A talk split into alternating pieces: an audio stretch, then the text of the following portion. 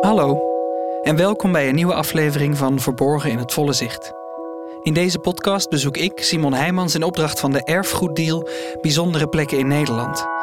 Het zijn plekken waar erfgoed uit het verleden wordt ingezet voor de uitdagingen waarmee we te maken krijgen in de toekomst. En soms is die toekomst al dichterbij dan je denkt, zoals je in deze podcast zult horen. Het zijn bijzondere plekken, waar je zo voorbij rijdt, maar waarvan ik zeker weet dat je er zou stoppen als je wist wat je ziet. Ze liggen verborgen in het volle zicht en in deze podcast gaan we ze ontdekken.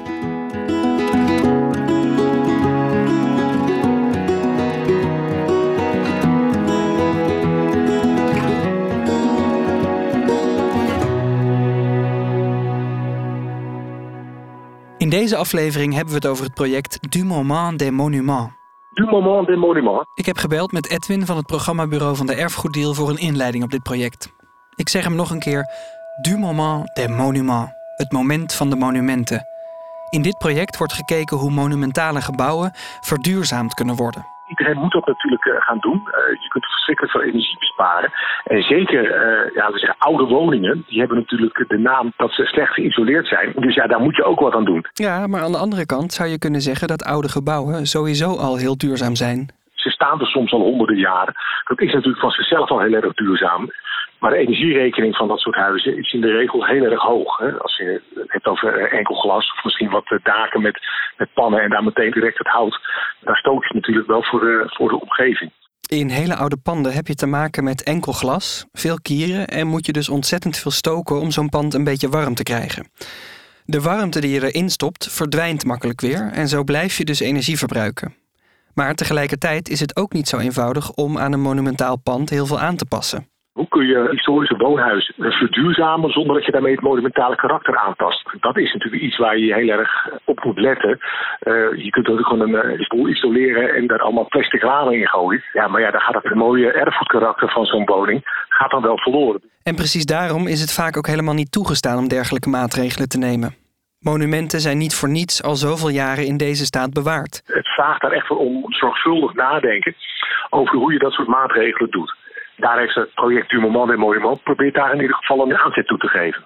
In dit project worden een aantal pilots gedaan met monumentale woonhuizen om te kijken hoe dit proces, dat vaak maatwerk is voor een specifiek pand, toch op een goede manier gestroomlijnd kan worden, zodat het makkelijker en aantrekkelijker wordt voor eigenaren om te gaan verduurzamen. Naast het opknappen van woonhuizen op zichzelf merkte de gemeente Zichtse en daar zijn ze niet de enige in, dat eigenaren van monumenten, en dan kan het dus zowel rijks- als gemeentelijke monumenten, ook nog eens bij hun ambitie om te gaan verduurzamen, en er zijn zat eigenaren die dat willen, ook nog eens tegen de muur aanliepen van uh, gemeentelijke regels. Ja, waar moet je beginnen? Begin je bij de gemeente of moet je met de erfgoedambtenaar gaan praten? Het maakt voor een eigenaar natuurlijk geen fluit uit met wie die te maken heeft. Hij of zij moet bij de gemeente advies krijgen. De gemeente Stichtse zegt, nou daar willen we in ieder geval uh, in helpen door een stappenplan te gaan ontwikkelen, zodat eigenaren goed op weg worden geholpen en de juiste maatregelen nemen. De juiste maatregelen nemen, dat is ook nog een belangrijk punt. Maar daar kom ik later op terug. Eerst wil ik zelf gaan kijken in zo'n monumentale woning om te horen waar de eigenaren tegenaan lopen. En gelukkig kan ik al snel terecht bij een van de pilotdagen waarop in Luna aan de Vecht een schouw wordt gedaan van een monumentaal pand. Goedemorgen, Simon Heijmans. Hallo. Ik ben Esther Yes, je wist dat ik kwam, gelukkig. Ja, zeker. Ze zijn al bezig, geloof ik, hè? Hallo. Yes. Om het huis van Esther binnen te gaan, moest ik aanbellen bij een kleine poort rechts van het pand. Het is zo'n deur waaraan je ziet dat de mensen nog een stuk kleiner waren toen dit huis gebouwd werd. Wat een prachtige plek. Ja, fantastisch. Ja, we zijn ook niet voor niks hier natuurlijk, maar joh. Nee, het is echt... Het is een drukte van belang vandaag. Aan een grote tafel zitten mensen van de Monumentenwacht, de Welstandscommissie, de gemeente en iemand die alles weet van warmtepompen. Wat een club mensen, joh. Ja. Net als ik aankom, is iedereen klaar om te beginnen. Een enkeling giet nog zijn laatste slokje koud geworden koffie naar binnen en ze verspreiden zich in no time door het hele huis. Dat geeft mij ook de kans om even rond te kijken. Het huis lijkt te bestaan uit een voorhuis en een achterhuis, die zijn samengevoegd tot één pand. Ik neem de krakende trap omhoog en daar zie ik pas echt goed de verschillen tussen de twee gedeeltes van het pand. In het voorhuis zijn de kamers klein en de plafonds zo laag dat je er moet bukken om onder de dikke balken door te lopen. Je legt het, je legt het goed uit. Dat is de zolder. Oh. ja. Een deel van de aanwezigen vandaag komt alweer een gammele zoldertrap af. Die hebben boven gekeken naar de mogelijkheden voor de warmtepomp. En als ik dan weer in het achterhuis stap, zijn de kamers juist ruim en hoog. De vloer loopt voelbaar schuin af en het is in alle kamers inderdaad vrij koud. Ik breng dit bezoek precies op de dag dat storm Corrie over Nederland raast. En soms krijg je het gevoel dat de wind ook binnenwaait door de kieren en de klapperende kozijnen. Het zou trouwens kunnen dat ik in deze beschrijving het voorhuis en het achterhuis door elkaar heb gehaald. Want het huis is op een leuke manier verwarrend met de verschillende hoogtes van de kamers en de kruipdoorsluipdoorgangetjes en trappen. Ik krijg niet makkelijk een idee van hoe het in elkaar zit. Gelukkig heeft bewoonster Esther de tijd om even met me te gaan zitten. We nemen plaats op de brede vensterbank van de grote master bedroom met uitzicht op het water van de Vecht. Esther, we zijn bij jou in huis. en wat een huis. Ja, wat een huis. Kun je iets vertellen over de historie van het pand? Het pand dateert uit 1680. Het huis bestaat eigenlijk uit twee delen. Een voorhuis en een achterhuis. Het gedeelte aan de straatkant is het oudste. Dus dat is gebouwd in 1680. Het gedeelte aan de achterkant, wat aan het water ligt... dat is ongeveer 100 jaar later pas gebouwd. En het zijn eigenlijk dus twee huizen wat één woonhuis is geworden. De historie is wel interessant. Het schijnt zo te zijn dat het een oliemolen was. Alleen we hebben ons afgevraagd van wat voor soort olie zouden ze hier dan gemalen hebben. Daarnaast wordt ook gezegd dat het een bierbrouwerij was. Dat was het niet, maar het was wel een soort opslag voor hop.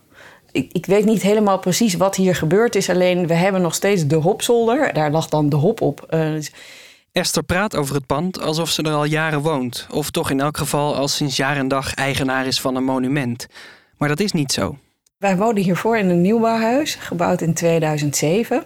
Dus heel iets anders, maar het was ook heel leuk om uh, je eigen huis te bouwen. Alleen, ja, ons hart gaat echt uit naar een uh, ouder pand. En ja, dit was uh, een lot uit de loterij. Esther vertelt dat het voelt alsof het huis op haar en haar gezin gewacht heeft. Het stond al best een tijdje te koop voordat zij een oog erop lieten vallen.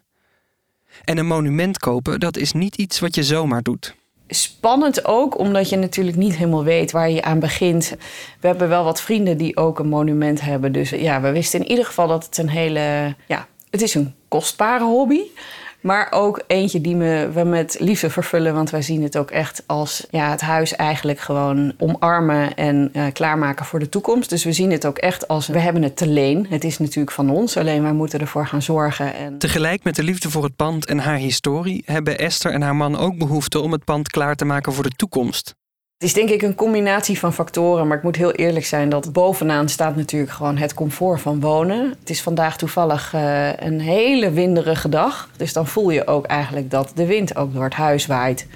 En dat is aan de ene kant heel fijn qua ventilatie. Aan de andere kant zorgt het ervoor dat we het heel koud hebben. Uh, dus mijn oudste dochter kwam net naar beneden en die zei: Ja, ik zit hier boven op de studeerkamer te leren en ik heb het zo koud. En daarnaast ja, vind ik het ook in de huidige tijd met de toestand van het klimaat eigenlijk gewoon niet te verkopen dat je op deze manier uh, stookt eigenlijk voor de buitenwereld. En dat merk je in de portemonnee. Wij hebben een, uh, denk ik, 75% hogere energierekening dan we hadden. Ja, bij de aankoop van het huis weet je wat je te wachten staat. Maar we hebben met name ook echt gewoon wel problemen uh, met, met wat dit voor het klimaat betekent.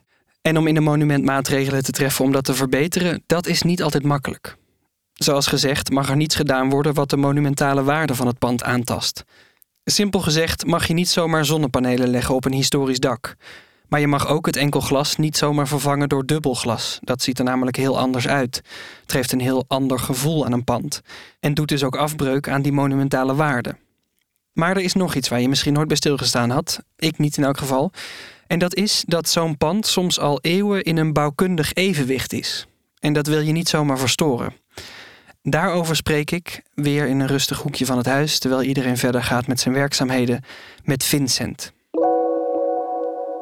Vincent de Kieviet, werk bij Mooisticht. Vincent loopt al de hele ochtend met de verschillende partijen mee door het huis.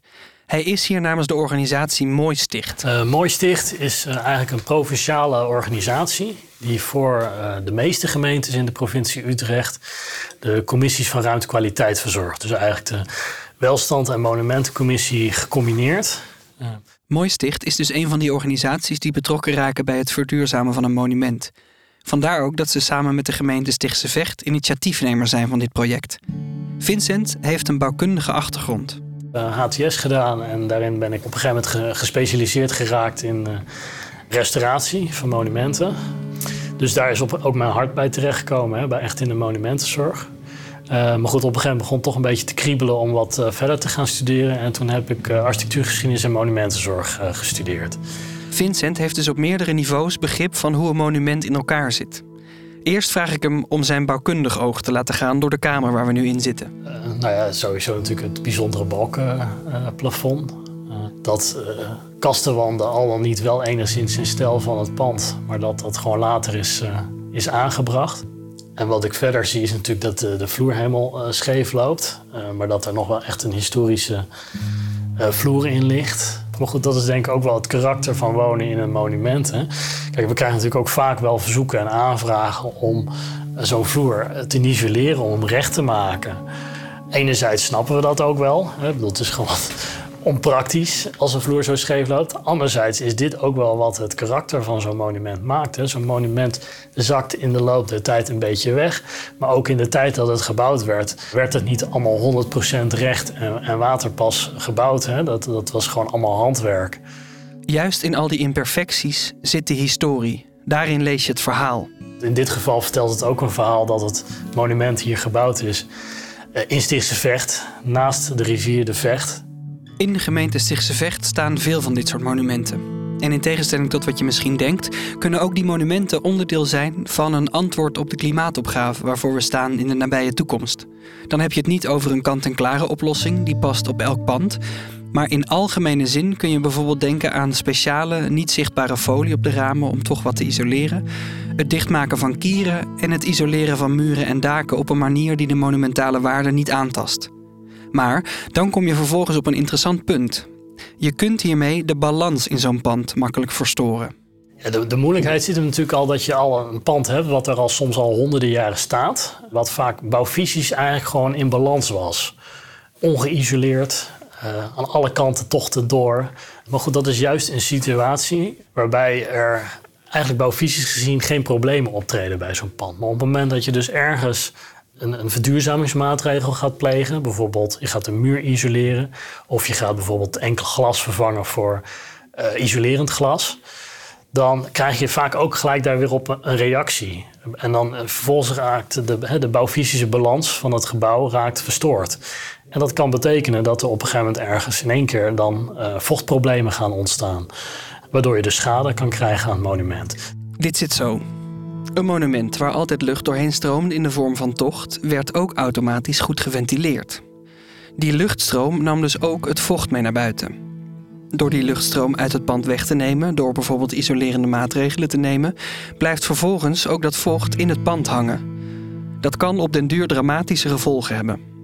Het vocht zal zich op plekken gaan ophopen, bijvoorbeeld in de muren. Die kunnen verzadigd raken en dan is schimmel echt nog het minste probleem. Muren kunnen uiteindelijk zelfs helemaal instorten. Uh, eigenlijk kun je vaak met één maatregel, als je het goed doet, niet volstaan. En heb je meerdere maatregelen nodig om tot soort van een balans te komen, zeg maar. Daarom is het van belang dat monumenteneigenaren niet zelf aan de slag gaan met zeg een plaatselijke aannemer die zich niet bewust is van deze bouwfysische balans in het pand. Als je simpelweg wat voor de hand liggende maatregelen neemt, dan kan een eigenaar op termijn met onherstelbare schade komen te zitten. Een van de doelen van dit pilotproject is het delen van kennis op dit gebied en het zorgen dat monumenteneigenaren bij de juiste uitvoerende partijen terechtkomen met kennis op het gebied van verduurzamen van specifiek monumenten. Daarom zijn er vandaag zoveel mensen in het huis van Esther. Ze zijn nog steeds uitgezwermd door het hele huis. Achter elke deur staat wel iemand iets op te meten, foto's te maken of er wordt druk overlegd. Iedereen komt vanuit zijn of haar eigen expertise het pand inspecteren en zal vervolgens adviseren wat de mogelijkheden en onmogelijkheden zijn van dit pand. Een warmtepomp zou bijvoorbeeld heel veel gas kunnen besparen. En het is ook goed mogelijk om dit te doen met de warmte uit de vecht die langs het huis stroomt. Maar praktisch gezien kan die warmtepomp hier niet de zolder op over dat gammele trapje. Maatwerk dus, maar wel gebaseerd op kennis die voor iedereen toegankelijk moet zijn. Daarom is de gemeente Stichtse Vecht dit project begonnen, vertelt Valeska van den Berg. Ik ben Valeska van den Berg van de gemeente Stichtse Vecht. En ik ben beleidsadviseur voor uh, monumenten en voor duurzaamheid bij de gemeente. En we hebben als gemeente samen met onze samenwerkingspartners, de Monumentenwacht en Mooi Sticht, een aanvraag gedaan bij de Erfgoeddeal. En daar is een heel mooi project uit voortgekomen. En... Valeska kan goed uitleggen waarom het juist in de gemeente Stichtse Vecht van belang was om dit project te starten. Ja, we hebben heel veel monumenten, zowel rijksmonumenten als gemeentelijke monumenten. De Vechtzone eigenlijk met, uh, waar van alles natuurlijk vanuit de historie aan ontstaan is. Buitenplaatsen, oude boerderijen, dorpskernen. We hebben ook negen beschermde dorpsgezichten. Dus heel veel erfgoed waar je ook iets mee wilt voor de toekomst. En eh, je kunt eigenlijk niet meer zeggen als gemeente met zoveel monumenten van uh, we doen daar niks mee. Want ja, ook die moeten met de eisen van deze tijd mee. Mensen willen ook comfort en die willen ook nou ja, verduurzamen. Ook wat deze eigenaar ook al aangeeft van uh, ja, we stoken eigenlijk nu voor de buitenlucht. Dat is gewoon niet meer wat je wil in deze tijden. De gemeente heeft een rijke historie en dat heeft alles te maken met de rivier de Vecht. Tot uh, aan de, de, Romeinen toe is daar uh, levendigheid geweest, veel bedrijvigheid. Dus daar is gewoon van alles aan ontstaan uit heel veel periodes. De middeleeuwse eh, restanten zijn daar ook nog eh, te vinden. En eh, die dorpen die zijn ontstaan langs de vecht en die zijn steeds verder uitgegroeid. op een gegeven moment had je in de Gouden Eeuw dan ook dat mensen uit de, de steden een plek zochten om buiten te gaan wonen. Dus ja, die bouwden dan mooie buitenplaatsen langs de vecht. en dat is zo steeds verder uitgegroeid met eigenlijk een hele lint met allemaal buitenplaatsen. Uh, waardoor je ook daar nog heel veel uh, monumenten hebt. En, uh... en juist omdat er zoveel monumenten staan in de gemeente Stichtse Vecht, is daar ook veel winst te behalen. Nou, we hebben natuurlijk ook het klimaatakkoord, waarvoor we gewoon uh, ook bepaalde doelstellingen moeten halen. En we hebben dan ook regionale energiestrategie, waar we met in de regio samenwerken om uh, te kijken van hoe kunnen we regionaal uh, met elkaar zoveel mogelijk duurzame energie opwekken en besparen. Dus dat zijn wel nou ja, landelijke doelstellingen die je ook moet halen. Daar moet je zo optimaal mogelijk op inzetten, zodat je ook weer bijvoorbeeld je landschap meer kunt sparen, omdat je dan minder op je zonneveld of windmolens hoeft te gaan opwekken, duurzaam. Eh, omdat je al je gebouwde omgeving hebt aangepakt en minder uitstoot hebt. Wat Valeska hier zegt is dit. Elke gemeente moet zijn steentje bijdragen aan het halen van de klimaatdoelstellingen. Dat kun je doen door energie op een groene manier op te wekken. Maar door te isoleren kun je besparen op de energie die je verliest. Je hoeft dan dus minder op te wekken. En zo hoef je dan niet de hele gemeente vol te zetten met bijvoorbeeld windmolens. In een gemeente als Stichtse Vecht, met zoveel monumenten, is de manier om te verduurzamen niet one size fits all. En daarom zijn ze nu van start gegaan met dit project. Het gaat erom dat we eigenaren zo goed mogelijk begeleiden bij het eh, verduurzamen van eh, hun monument. En daarvoor ontwikkelen we een model, een, een A-Z-stappenplan. Dus dat we kijken bij iedere eh, fase van wat kom je tegen en hoe kun je belemmeringen wegnemen en hoe kun je dat, dat model optimaliseren. En daarvoor doen we ook pilots op dit moment hebben we drie uh, particuliere pilots en één gemeentelijke pilot. Dus dat is van ons eigen gemeentelijk vastgoed. Wat we dan uit die pilots halen, die uh, kennis die we daarin opdoen, dat uh, implementeren we weer in dat model. Zo is daar een wisselwerking om dat model steeds verder te optimaliseren. En dat model dat willen we dan dus ook breed uitrollen, dat ook andere partijen daar gebruik van kunnen maken. Een van de belangrijke elementen in dat model is dat eigenaren van panden te maken krijgen met één contactpersoon waardoor eigenaren niet meer van het kastje naar de muur gestuurd zullen worden of tegenstrijdige adviezen kunnen krijgen. En de waardevolle kennis die opgedaan wordt in dit project, die houdt de gemeente Stichtse Vecht vervolgens niet voor zichzelf. Ja, hoe kunnen we dat op een gegeven moment ook opschalen? Dat ook andere gemeenten dat model dan weer kunnen gebruiken. En ook weer ideeën daaruit halen. En wat je uit die pilots natuurlijk ophaalt, daar doe je ook heel veel kennis mee op. Dat dat ook weer in een bepaalde kennisbank uh, terechtkomt. Zo wordt het in de toekomst voor eigenaren van monumenten makkelijker om hun steentje bij te dragen aan de energietransitie. En kunnen gemeenten ook door de inzet van hun monumenten de gestelde doelen halen om de klimaatverandering een halt toe te roepen.